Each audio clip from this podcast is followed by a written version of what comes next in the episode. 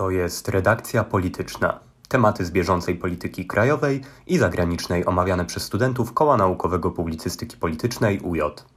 Dobry wieczór, jest 7 e, grudnia, a to jest UJFM z audycją Koła Naukowego Publicystyki Politycznej, pierwszą grudniową audycją, a zapraszają na nią Jakub Radomski oraz Jakub Buksiński, a więc y, dwóch Jakubów. E, audycja dzisiaj. dwóch Jakubów. Dzisiaj. Audycja dwóch Jakubów. Nawet miała być trzech Jakubów, e, ale skończyło się jedynie na dwóch. No, być może nam to nieco ułatwi mm, robotę od strony, od strony technicznej. Gdzie Jakubów trzech? Gdzie Jakubów? No ja nie wiem, co się dzieje tam. Takiego powiedzenia nie znam. Ale myślę, że nie jest to prosta sytuacja, gdzie Jakubów mm. trzech.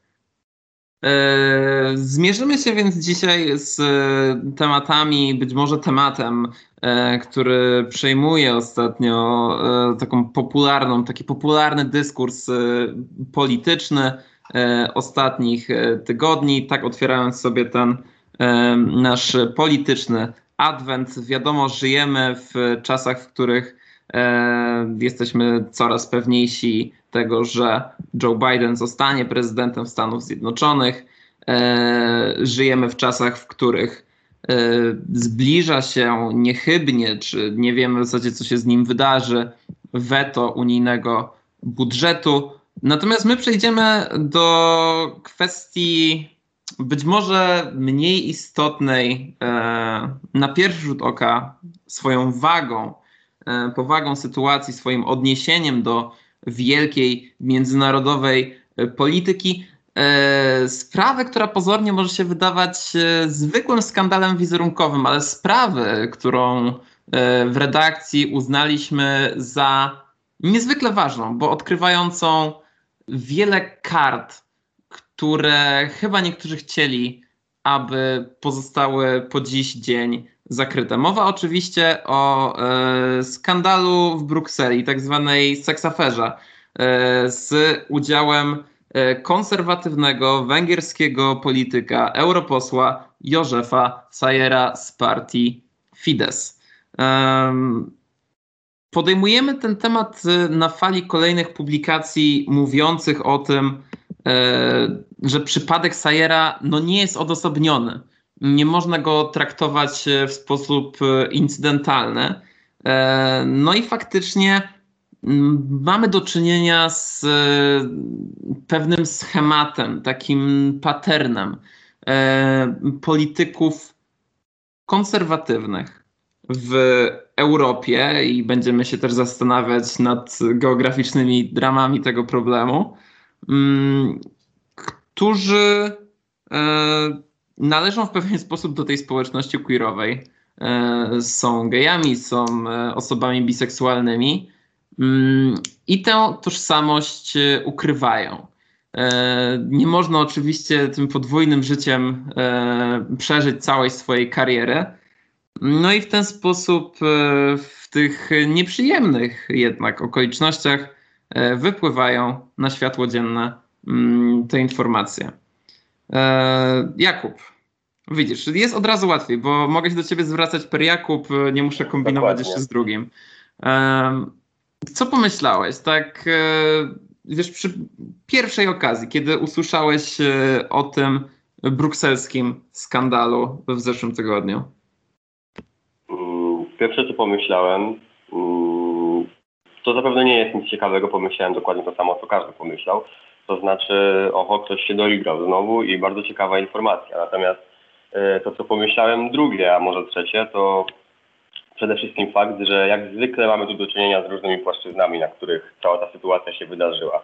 Pierwsza to jest oczywiście polityczna mm, sytuacja Węgier w Unii i zarówno polityczna w sensie obecności Węgier w Unii Europejskiej, kwestia weta, ponieważ Józef, Józef Sayer to jest e, prawa ręka Orbana w Brukseli, i ten główny frontman e, węgierskiej narracji antyunijnej. Po drugie płaszczyzna węgierska, ponieważ e, jest to również frontman ideologicznej walki w samych Węgrzech, e, współautor, jeden z głównych konstruktorów konstytucji węgierskiej, którą podobno napisał na swoim iPadzie. E, takie plotki, legendy wręcz krążą o tym dopisaniu przez niego właśnie artykułu o definiującego małżeństwo jako związek kobiety i mężczyzny do węgierskiej konstytucji. No i kolejna płaszczyzna to jest ta, o której mówiłeś, to znaczy płaszczyzna, na której konserwatywny polityk e, nie pierwszy raz i zapewne nie ostatni okazuje się przedstawicielem społeczności LGBT i okazuje się nie hołdować również e, takim konserwatywnym wartościom jak wstrzemięźliwość lub e, posłuszeństwo prawu. No tak, e, te konserwatywne wartości e, też no, nie umykają nam i grają gdzieś w tle, bo nie mówimy jednak tutaj o odkryciu pewnego drugiego życia miłosnego europosła węgierskiego, mm, tylko o przyłapaniu naszego tematu dnia e, no, na e, imprezie. E, tak. W gejowskim klubie no, niektórzy dziennikarze posuwają się do użycia takiego nieco staromodnego słowa orgia. Też nie wiem, czy nam być może wypada się zagłębiać w takie szczegóły. No też chyba większość osób usłyszała mm, już o tym wydarzeniu od tej Myślę, strony po pierwsze większość osób o tym usłyszała, a po drugie e, nie powinniśmy się za bardzo zbliżać do formatu, w którym będziemy omawiać szczegóły takich imprez, bo sprawa jest dużo poważniejsza, jak sam mówiłeś. Co e, na to chciałbym zwrócić uwagę, to poza wymiarem komicznym, na który wiele osób zwraca uwagę i wydaje mi się to śmieszne, w jakiś sposób wypłynięcie hipokryzji na światło dzienne zawsze zawiera sobie pewną dozę ironii, natomiast mało kto widzi tragizm w tym wszystkim, ponieważ to, że konserwatywni politycy bardzo często e, okazują się być homoseksualistami albo wieść podwójne życie, to nie jest tylko kwestia ich jednostkowej hipokryzji, to jest również jakiś problem systemowy, problem, w którym osoby homoseksualne przez presję wywieraną przez e, czy to społeczeństwo i tradycję tego społeczeństwa, a na Węgrzech i w Polsce również przez pewną walkę ideologiczną i kreowanie sobie homoseksualistów oraz innych mniejszości seksualnych jako wrogów, e, zostają zepchnięci w taki koździrów, w którym e, jedyną szansą na jakby realizowanie swojej misji społecznej jest czy ambicji działania w polityce jest założenie sobie rodziny, yy, ponieważ yy, Józef Sajer jest żonaty, ma, yy, ma żonę, która jest zresztą sędzią Węgierskiego Trybunału Konstytucyjnego. Założenie rodziny z dziećmi i to czyni po pierwsze te osoby nieszczęśliwymi, ale też czyni nieszczęśliwymi, na co mało kto zwraca bardzo często uwagę, żony tych polityków i wywołuje zapewne również szok dla dzieci tych polityków ponieważ e, ukrywanie swojej orientacji i bycie zmuszonym do małżeństwa to nie jest zabawna sytuacja. No i widzisz, Jakub, e, ja zupełnie, e, całkowicie tak jak ty, potrafię dostrzec tragizm tej sytuacji. Pewien problem, w którym, który dzisiaj podejmujemy, mówiąc o tej i innych podobnych sprawach, mm, no to jest ten wymiar współczucia wobec tak. osób takich jakich, e, jak e, Józef Szajer. Mm. Pozwolisz mi się wtrącić. E, Bardzo chętnie pozwolę. Nie chodzi, nie chodzi o to, żeby, żeby próbować usprawiedliwiać hipokryzję i teraz robić z Józefa Sajera czyjąś ofiarę, tak? E, na pewno trzeba potępić e, jego postępowanie polityczne, a jego tożsamość w życiu prywatnym. Natomiast myślę, że ta hipokryzja wypływa już na, sam, na samym wierzchu i to nie jest, to nie jest specjalne tło tej sprawy, które trzeba analizować. E, to tak w ramach wtrącenia się. No i widzisz, no uważam, że faktycznie największą tragedią tej sytuacji jest systemowość problemu. Największą tragedią tej sytuacji jest system skrojony na to, że nie pozwala e, tym konserwatywnym politykom mm, żyć swojego prawdziwego życia. E, cały paradoks opiera się jednak na tym, że ten homofobiczny system e, został skonstruowany jest skonstruowany i budowany e, przez nikogo innego, właśnie takich polityków, e, jak rzeczony europoseł e, Sayer. Mm, tragizm więc leży w systemie. E, w mojej utopii, którą mogę wykreować sobie teraz e, w głowie podczas tej audycji, w mojej wymarzonej rzeczywistości politycznej, orientacja seksualna, tożsamość płciowa mm, i wszystkie e, kwestie, które gdzieś pojawiają nam się wokół tego skrótowca LGBT, wszystkie kwestie tak zwane queerowe, nie powinny odgrywać większej roli w polityce parlamentarnej.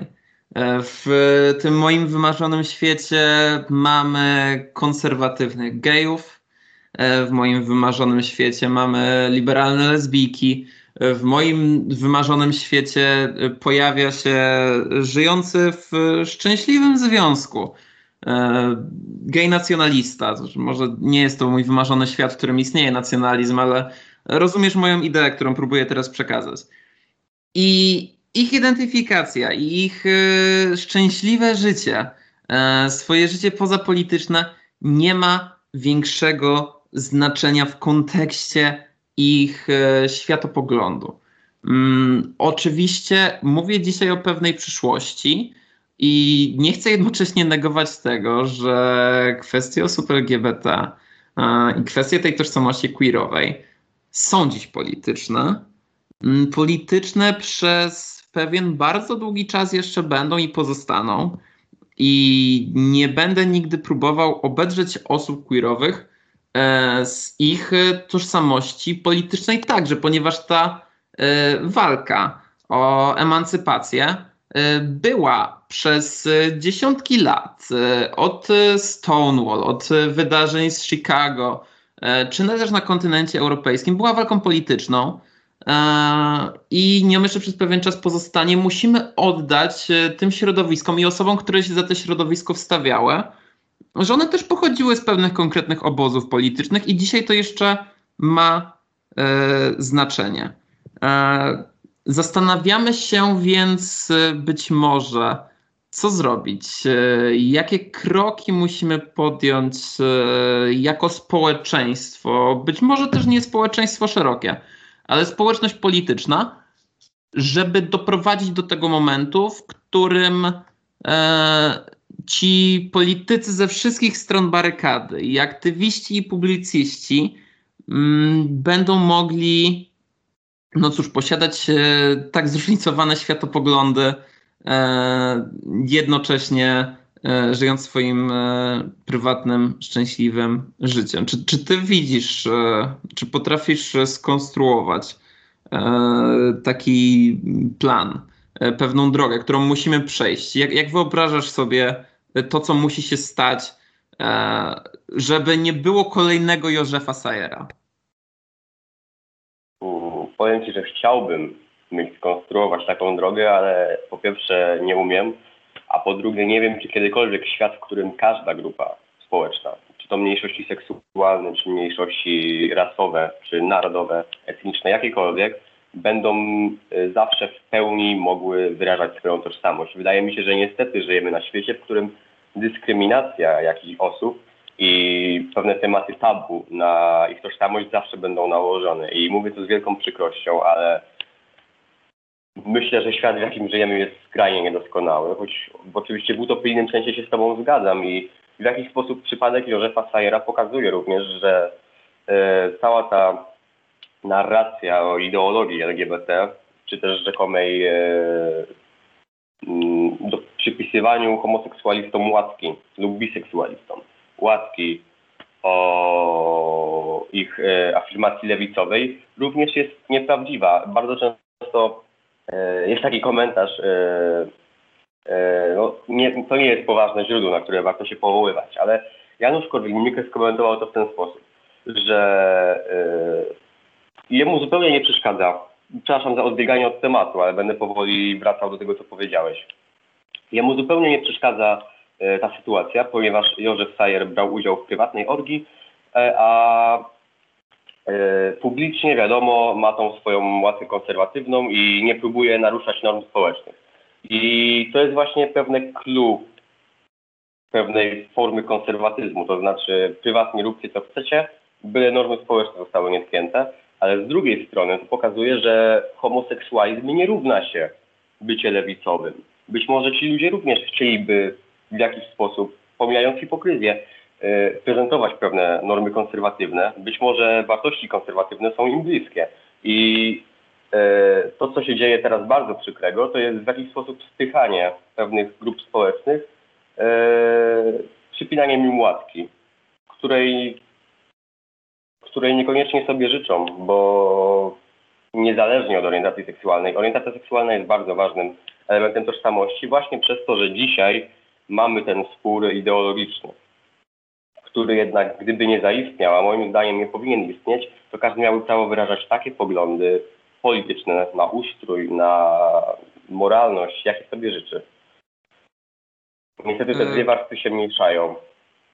Mhm. Widzisz, żyjemy w spolaryzowanym świecie e, i na pewno się ze mną w tym zgodzisz.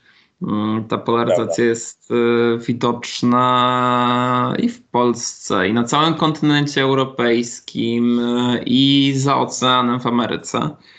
Mm, więc być może to jest też ten problem właśnie społeczeństwa szybkiej informacji i tej polaryzacji, że przypinamy łatki troszkę zauważam podobieństwa e, z tożsamością religijną w tej sytuacji. To jest e, często mówi się o e, społeczności chrześcijańskiej czy katolickiej w Polsce. One są niemalże równoznaczne w naszym przypadku.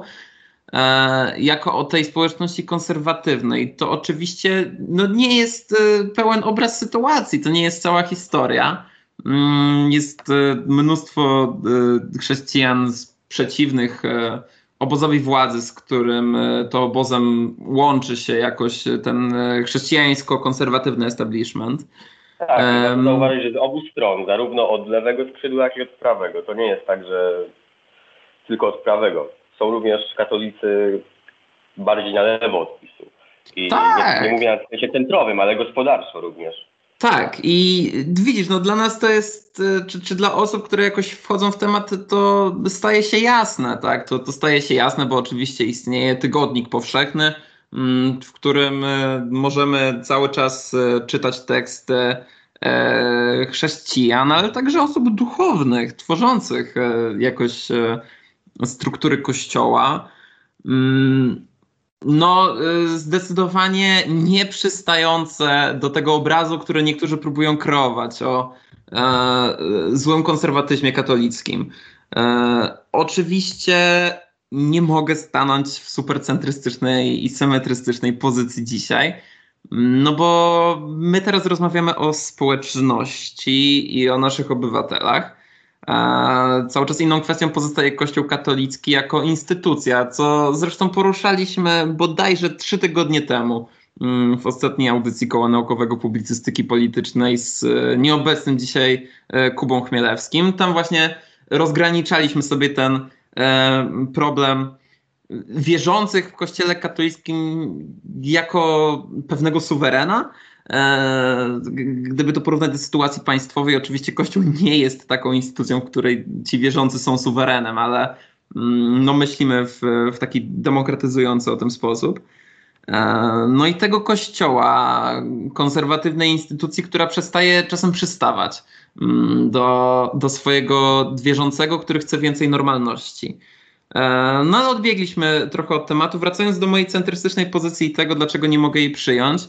Mm, no widzisz, kiedy mówiłeś o tym, że łatwo przypisujemy te łatki e, lewicowości osobom queerowym, potrafiłbym się zgodzić, e, że istnieje pewien problem z tym związany. Zresztą dało to swój wyraz e, mm, w jednej z kilku rozmów, które ostatnio prywatnie odbyłem z osobami queerowymi, o tym, co one myślą o środowisku, o tym, gdzie widzą swoje miejsce w e, polityce, oczywiście od tej e, społecznej strony, o tym, że nie zgadzają się z tą łatką lewicowości, no byłbym ignorantem mówiąc, że problem nie istnieje. Nie mogę powiedzieć, że problemu nie ma.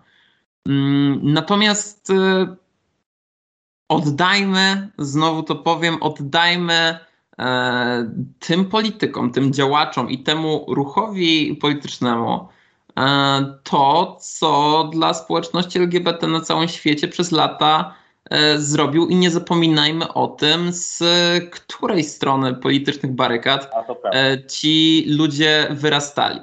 I wcześniej zadałem ci Zgadzasz się ze mną? Okej, okay, to pozwól mi jeszcze przerwę, tak. pociągnąć. Tak. Ty chcesz Jasne. przerwać? To przerwij mi. Przerwij mi, dopowiedz swoje, a ja jeszcze wytłumaczę mm, swoją odpowiedź na pytanie, które zadałem Ci wcześniej w ten sposób.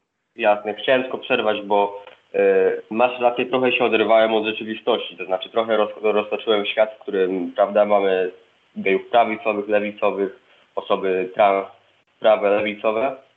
Natomiast y, to jest trochę myślenie abstrakcyjne już po tym, jak osiągniemy jakiś status, mam nadzieję, społeczeństwa, w którym ta tożsamość przestanie siłą rzeczy zamykać człowieka w pewnym kręgu, który sobie wyobrażamy. Natomiast na, na dzień dzisiejszy rzeczywiście no to nie należy zapominać o tym, y, która strona się przede wszystkim, a może i wyłącznie upomina o te prawa. I to nie jest nic dziwnego. Ja tu w żaden sposób nie, nie mówię, że y, nie chcę zostać źle zrozumiany na zasadzie, y, że przecież y, to jest jakaś symetria, tak?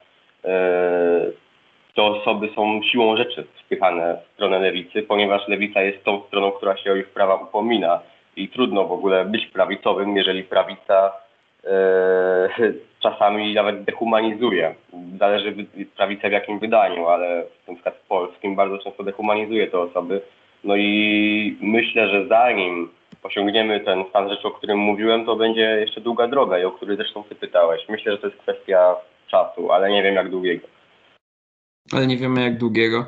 Um, więc e, kiedy ja powiedziałem, że szukamy, ch chciałbym jako ten architekt skonstruować e, naszą drogę do tej rzeczywistości normalnej rzeczywistości po czymś, e, o której cały czas mówimy, o której ty, ty, ty, przed chwilą nakreśliłeś, jak chciałbyś, żeby wyglądała, z czym ja się też zgadzam. Um, jedyną, w mojej opinii, drogą, jaką jako społeczeństwo przejdziemy, i wierzę, bardzo głęboko wierzę, że ją przejdziemy i dojdziemy do tego momentu. Ale jedyną drogą, bo też sprawdzoną i historycznie właściwą, jest emancypacja osób LGBT. Jest queerowa emancypacja, e, która musi się wydarzyć, a którą dzisiaj postulują i której e, motorem napędowym są środowiska lewicowe.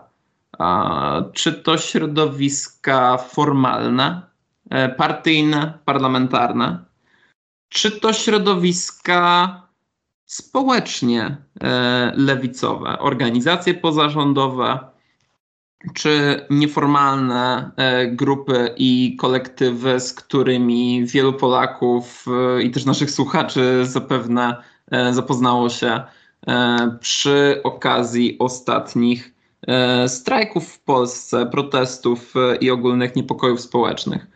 Mm, myślę też, że wiele osób już dzisiaj sobie zadaje pytanie, Mm, o zagrożenia związane e, ze światem po emancypacji. To jest, e, jak powiedziałeś o tym, mm, stanowisku niektórych konserwatystów dzisiaj, takich jak Janusz Korwin-Mikke, do kwestii osób LGBT i dzieląc to na życie prywatne i pewien porządek społeczny. No, mm, Czuję pewien wstręt. Y, śmieję się pod nosem oczywiście, bo ja nie traktuję być może też niesłusznie Janusza Korwina e, Mikkego zbyt poważnie. Już dzisiaj mało osób traktuje go w taki poważny, równorzędny innym na politykom pewno, sposób. Na pewno nie jest przedstawicielem jakiegokolwiek dominującego nurtu w konserwatyzmie. Jest bardziej ciekawostką, nawet jeżeli czasami ma ciekawego powiedzenia, czasami coś śmiesznego, być może odrażającego, to myślę, że traktowanie go poważnie mm, nie ma sensu, głównie z tego powodu, że e, nawet, nawet, nawet na prawicy e, jego głos traci znaczenie. traci. Traci, z, z, każdym rokiem traci, to nie mamy ku temu żadnych wątpliwości. Jednak jak mówimy już o tym, o tej przyszłościowej wizji społeczeństwa, w której e, prawa osób LGBT zostały całkowicie znormalizowane. Um, o tej rzeczywistości, w którą dzisiaj szczęśliwie spoglądamy z nadzieją w przyszłość i wierzymy, że się w Polsce zadarzy tak, jak zadziała się w Europie Zachodniej Mm, i mówimy o tych osobach LGBT konserwatywnych, liberalnych, e, socjalnych, lewicowych.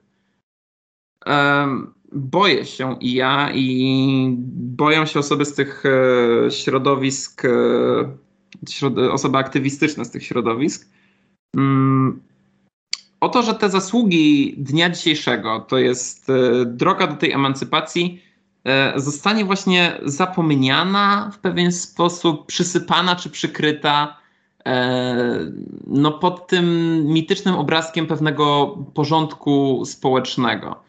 E, żeby zrozumieć teraz moje słowa, nie chciałbym, żebyśmy przeszli drogę od tej zinternalizowanej homofobii, o jakiej dzisiaj mówimy w środowiskach politycznych, czyli o tych właśnie ukrywających się gejach w e, obozie konserwatywnym. E, od tej zinternalizowanej homofobii do, no cóż, takiej e, znormalizowanej psychologii wstydu. Kiedy Janusz Korwin-Mikke mówi o porządku społecznym, to ja wyrażam wiele obaw co do tego, jak on ten porządek społeczny rozumie. Ale problem jest dużo szerszy, ponieważ e, w moich prywatnych rozmowach e, z osobami ze środowiska konserwatywnego mm, zawsze też sprzedaję swoją wizję jako korzystną dla obu stron. Mówię, no panie, panowie, porzućmy tę homofobiczną, czy porzućcie w zasadzie tę homofobiczną retorykę. Zobaczcie, słuchajcie, to funkcjonuje. To funkcjonuje na świecie. Ja wiem, że dla was czasem to jest zgniły Zachód, z którego niekoniecznie chcecie brać przykład, więc może to nie zawsze też trafi. Ale porzucenie tej e, retoryki e, wrogości, e, tej retoryki nienawiści zrobi dobrze nam wszystkim. Zauważcie, zakopanie tego konfliktu pozwoli wam się skupić na tych sprawach, o których e, tak zawsze mówicie, że są dla was e, ważniejsze. Mm, kiedy my podnosimy kwestie praw człowieka, praw osób LGBT, Wy mówicie, że to jest temat zastępczy, są poważne rzeczy w państwie. Okej. Okay. Jak dojdzie do pełnej emancypacji, zajmiemy się tymi rzeczami, które uważacie za poważne. Sytuacja win-win, wszyscy na tym skorzystają. Natomiast to, czego się boję, to, że kiedyś zostanę wysłuchany. Eee, I kiedyś e, zostanę wysłuchany i ta, do, do tej emancypacji dojdzie i dojdziemy do tego społeczeństwa, o którym dzisiaj mówimy z nadzieją. No i wrócimy do do tej psychologii wstydu, e, gdzie pomimo otwartości, pomimo zdobytych praw i pomimo normalnych stosunków społecznych, cały czas będziemy mieli ludzi z obozów konserwatywnych, chadeckich, e, w zasadzie z każdych obozów, to już e, nie będzie grało roli, którzy dalej będą mówić o pewnego rodzaju porządku społecznym na który ja nie potrafię wyrazić zgody. Myślę, że porządek społeczny dla prawicy zawsze będzie ważny tak czy inaczej. To znaczy, moim zdaniem, to jest kwestia tego, żeby prawica wyzbyła się, e, oczywiście wyzbędzie się albo nie, to nie jest, nie myślimy też życzeniowo wobec rzeczywistości, bo to nigdy, to nigdy skutków nie przynosi specjalnych. Ale żeby prawica wyzbyła się pewnego paradygmatu, w którym homoseksualizm ten, te normy społeczne zaburza i emancypacja w jakiś sposób im zagraża. I z tym jest związane oczywiście wiele mitów. Eee, mit o rzekomej pedofilii, którą mieliby się charakteryzować homoseksualiści, o tym, że można się, nie wiem, zarazić. To jest bardzo obrzydliwa retoryka, ale podaje przykłady E, mitów, którymi e, bardzo często świadomie niektóre osoby się posługują, żeby tym homoseksualizmem straszyć.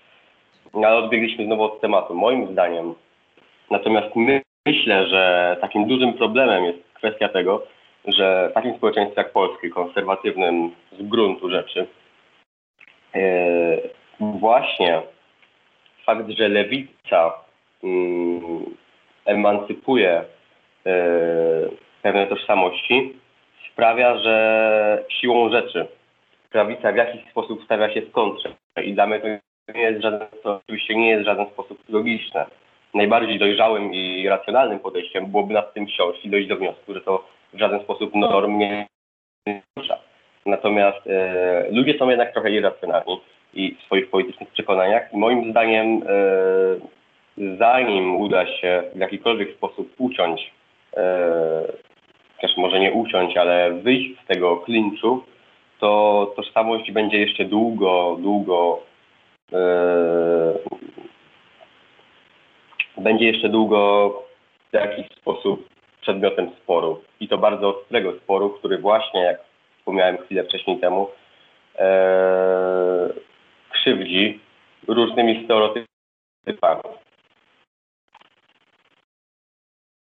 Wiesz co, jeśli chcemy mówić jeszcze dalej o e, kwestii politycznej, konserwatyzmu i lewicy w, względem praw osób LGBT, mm, to znowu bym przypomniał, że ta sytuacja, w której się znaleźliśmy w Polsce i w której tkwi kilka państw nam bliskich, takich jak e, Słowacja, takich jak Węgry, e, to niekoniecznie jest sytuacja normalna, to niekoniecznie jest e, sytuacja codzienna.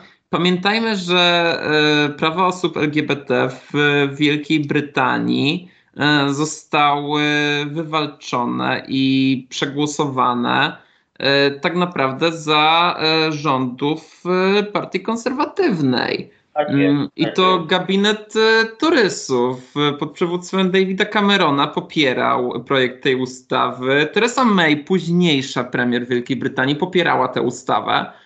E, I, i, I, to był ten rok 2013-2014, kiedy to się wydarzyło w Wielkiej Brytanii. Mm, oczywiście dzisiaj wielu konserwatystów e, z kontynentu mówi o tym, że brytyjscy torysi to już nie jest konserwatyzm.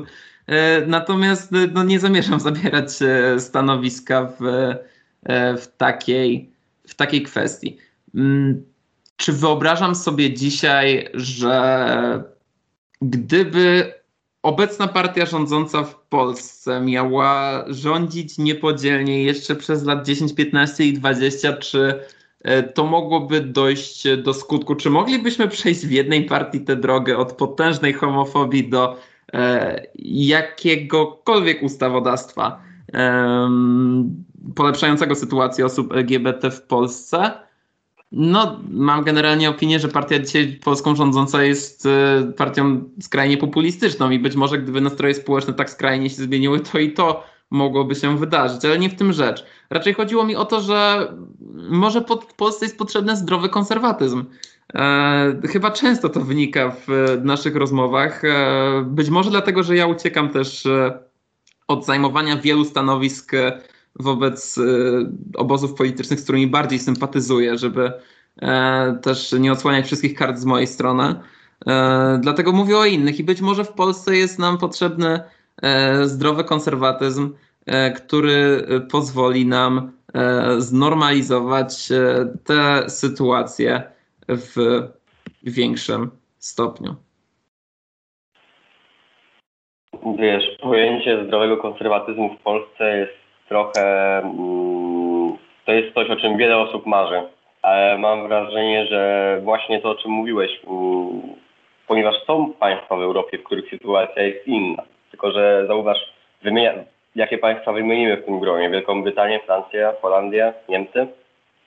Również Austrię to nie jest tylko tak, że brytyjscy torysi są jacyś tam, ale również Austria, która jest chyba stosunkowo konserwatywnym państwem, e, na pewno bardziej niż Francja czy Wielka Brytania. E, tam sytuacja prawna e, emancypuje osoby homoseksualne.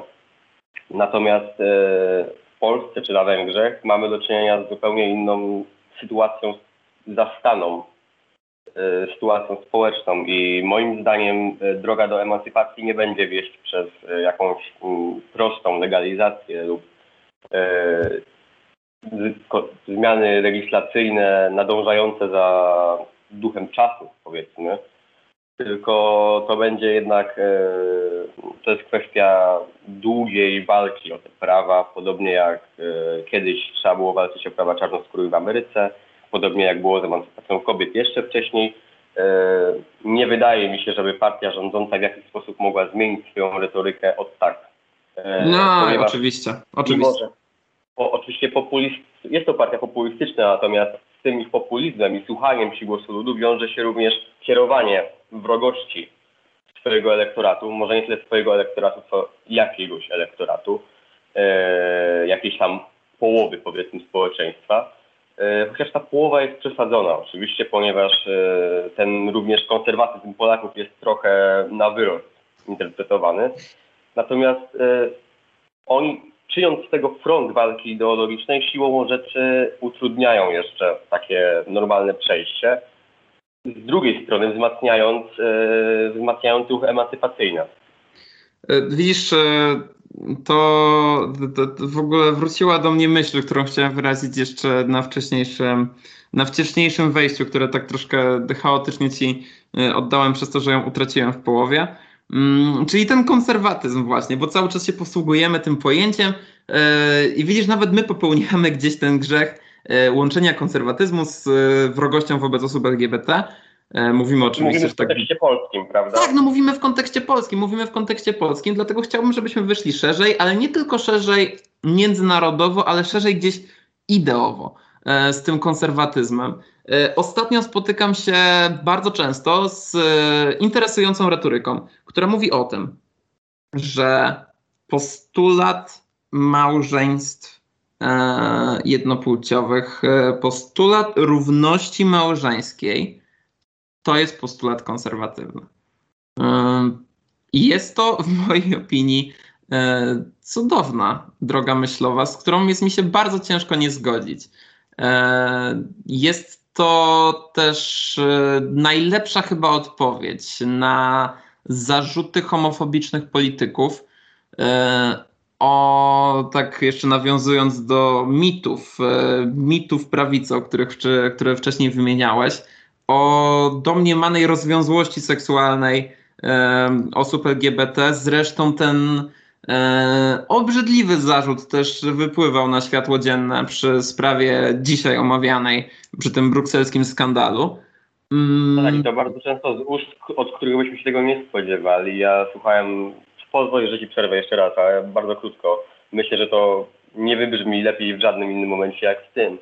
E, oglądałem wywiad, w którym dziennikarz TVN Onetu e, w jakiś sposób śmiał się z tego, że on spodziewał się, że posłowie lewicy będą brać udział w takich imprezach. I mam wrażenie, że to jest również wyraz jakiegoś, jakiejś niedojrzałości w tym podejściu. To był wywiad z posłem Tomaszem Trelą. Eee, I nie wiem, to wywołało jakieś śmiechy, natomiast wydaje mi się, że to w jakiś sposób jest również homofobiczne. Sugerowanie, że homoseksualizm równa się rozwiązłość. Bardzo niesmaczne. Dlaczego nie szokuje mnie, że e, jakaś e, niesmaczna sytuacja z politykiem lewicy wywiązała się przy udziale pana posła Tomasza Treli? E, no zupełnie mnie to, zupełnie mnie to nie szokuje, jeszcze nawiązując do twojej dygresji.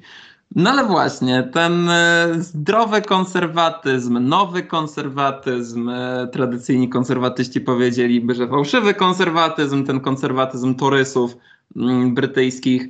E, ja nie widzę przeszkód, choć pewnie jestem ostatnią osobą, żeby wypowiadać się o tym, jaką drogę powinni podjąć konserwatyści. No to już należy do nich, nie do mnie jako komentatora sceny politycznej, gdyż w takiej roli się w tej sekundzie znajduję. Mm, nie widzę przeszkód, y, żeby w cywilizowanym państwie y, i mam nadzieję, że możemy sobie rościć prawo do bycia cywilizowanym państwem i cywilizowanym społeczeństwem. Y, postulat równości małżeńskiej i postulat dotyczący rozszerzenia tego katalogu praw człowieka w praktyce na obywateli swojego państwa. To są jak najbardziej postulaty konserwatywne i to głęboko konserwatywne, odwołujące się do tego mitycznego porządku społecznego, do ochrony rodziny jako komórki społecznej. i do ochrony swoich obywateli w legislaturze, którą będziemy szanować i której będziemy przestrzegać, a którą będziemy z dumą stanowić jako suweren, naród, społeczeństwo swoją wolą wyrażoną w demokratycznych instytucjach parlamentu, prezydenta, niezależnego sądownictwa. manifestacyjnie, przepraszam cię Jakub, przepraszam słuchaczy, manifestacyjnie to wygłosiłem, mm, ale tak to widzę. Tak to na dzisiaj widzę jako e, komentator polityczny. E, czy chciałbyś coś jeszcze dodać? E, być może gdzieś obok sprawy, bo no całkiem przypadkiem też się złożyło, mm, przypadkiem, nie przypadkiem, złożyło się, że mówimy ci o Fidesu, tej węgierskiej partii architektów węgierskiego autorytaryzmu, bo też główny zainteresowany europoseł europoseł Józef Sajder jest przecież właśnie też tym architektem E, autorytaryzmu węgierskiego, e, współautorem czy autorem e, konstytucji, jak już mówiliśmy na początku. Mm, no, mówimy o tym Fidesu, mówimy o roli Węgrów w Unii Europejskiej. Jesteśmy dzisiaj gdzieś w tym temacie weta unijnego budżetu. Czy masz jeszcze jakieś mm, przemyślenia dotyczące tej strony świata? Bo i dzisiaj trochę o Polsce, i dzisiaj trochę E, o tej polityce europejskiej, czy wręcz bardzo szeroko ideowej mówimy. Tak, no w ramach yy, odnosząc się trochę do tej rozmowy o konserwatyzmie, to pokazuje yy, moim zdaniem ta cała sytuacja z Józefem Sajerem, yy, w jaki sposób powiedzmy obóz władzy, jak władza demoralizuje, prawda? To znaczy jak obóz władzy jest w stanie i pod ambicja e, osobę homoseksualną lub biseksualną e, cynicz wynieść na piedestał e, mimo jej całkowitego cynizmu w tym temacie. Tym bardziej, że Józef Sajer, to, to warto dodać, bo zapewne nie wszyscy o tym wiedzą z naszych słuchaczy.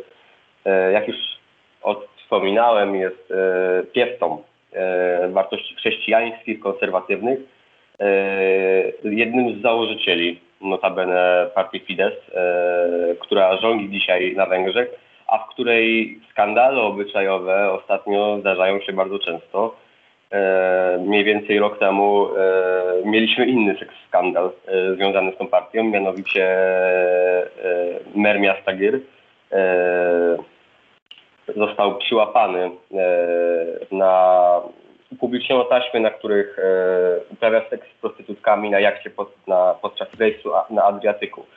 E, więc tak naprawdę mm, bycie konserwatystą i jest bardzo wymagające, powiedzmy moralnie, żeby nie wywołać hipokryzji. I na Węgrzech podobnie jak w Polsce, chociaż nie mamy takich, aż takich afer, ale chociaż aż takich afer, e, nie wyszło na światło dzienne żadne, takie sytuacje, ale chociaż pojawiają się doniesienia, że, że biorą udział w tych imprezach e, politycy Prawa i Sprawiedliwości, to myślę, że na więcej niż na wspomnienie o tym, że pojawiały się takie doniesienia, ta wzmianka nie zasługuje. Przy braku jakiejkolwiek weryfikacji. No tak, no to, to, to jest dzisiaj temat plotkarski. Ja też e, z wielką celowością nie poruszałem go. To, to, to prawda. Natomiast e, myślę, że obóz władzy jako taki na Węgrzech w pewien sposób się wyczerpuje i te afery, oczywiście Fidesz zawłaszczył sobie państwo, e, Viktor Orban e, uczynił sobie z Węgier folwark i ten obóz władzy jest maksymalnie rozrośnięty i zdemoralizowany. E, I to, co wiąże się z tym wetem, to jest poważną, ważną przyczyną tego weta, w związku z czym Viktor Orban dużo poważniej traktuje tą możliwość ponieważ w Polsce ona jest trochę taką formą dźwigni politycznej, formą nacisku, prawda, retoryki pisowskiej. Natomiast na Węgrzech e, zagrożenia związane z praworządnością i wydatkowaniem pieniędzy unijnych są ogromne. I, i ta praworządność, i ten konserwatyzm, e, dumnie prezentowany jako fasada partii rządzącej Fidesz na Węgrzech, oba stanęły w tym momencie pod ogromnym znakiem zapytania. Być może nie tyle pod znakiem zapytania, co pod to król jest nagi. E, I tak można podsumować to, co się teraz dzieje e, z partią Fidesz. Proszę Państwa, król jest e, nagi. Trafny komentarz.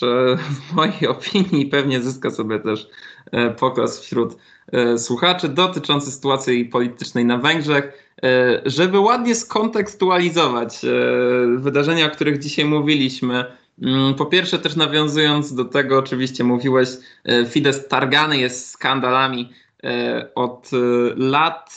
Ja też mówiłem, że sytuacja tego skandalu z europosłem nie jest odosobniona, należy do pewnego ciągu zdarzeń, tego paternu, który zauważamy używając anglicyzmu. Mm, też e, obok niej, chyba dzień, dwa później, e, mieliśmy, e, mieliśmy sytuację z posłem na Litwie, w Litwie, posłem litewskiego parlamentu, który to podczas spotkania komisji parlamentarnej na Zoomie, no też tam była taka niedopowiedziana, niewyjaśniona sytuacja, gdzieś się pojawił w tle na kamerce E, inny mężczyzna, który nie został zidentyfikowany jeszcze, pozbawiony ubrań. E, gdzieś też na Litwie e, kilka miesięcy wcześniej mieliśmy sytuację z pornografią wśród posłów. Także no, te sytuacje wciąż wypływają na światło dzienne. Faktycznie to jest, to jest tylko część większej całości. Natomiast, żeby skontekstualizować Twoje słowa o nagim królu, E, dzisiaj, e, czy wczoraj w zasadzie, dla mm, wyborczej Ziemowit Gowin, e, postać, o której usłyszeliśmy kilka miesięcy temu, a syn posła Gowina. PiS kreował się na partię ideową, ale wielu z nich nie ma żadnych zasad. No więc to jest ten, ten problem Fidesu, który ty podejmowałeś jest też problemem jakimś e, globalnym, europejskim, ale przede wszystkim problemem, który na pewno znamy w Polsce. Nie chciałbym brzmieć zbyt y, antykonserwatywnie. Moim zdaniem to jest problem, który dotyka każdego, każdego obozu władzy, który prędzej czy później zawłaszczy sobie państwo. To mhm. jest moralna zgnilizna i kompletny brak transparentności między tym, co partia głosi, a tym, co czynią jej politycy. I każda partia która zawłaszcza sobie państwo, musi się posługiwać ludźmi nikczemnymi, żeby e, prowadzić swoją bandycką działalność i w tym nie ma nic dziwnego. A więc e, życzę dzisiaj e, sobie, życzę dzisiaj Tobie, życzę naszym słuchaczom i życzę też naszej redakcji w Kole Naukowym Publicystyki Politycznej, żeby i nas nigdy nie dosięgnęła zgniła ręka wielkiej polityki, E, demoralizując nas i okradając z wartości. E, za tydzień natomiast o tej samej porze zapraszamy na kolejną audycję w wykonaniu Koła Naukowego Publicystyki Politycznej e, na łamach UJ-FM. Na dzisiaj to będzie wszystko i będziemy się z Państwem żegnać. Było to niesamowicie przyjemne. Zresztą jak co tydzień spotkanie dla nas i mamy nadzieję też, że dla Was. A mówili dzisiaj dla Was Jakub Radomski oraz Jakub Buksiński. Wchodzimy w okres świąteczny. E, słyszymy się za tydzień 14 grudnia i życzymy Państwu dobrego wieczoru. Dziękujemy za uwagę. Możecie nas usłyszeć w każdy poniedziałek o 20 w UJFM. Do zobaczenia.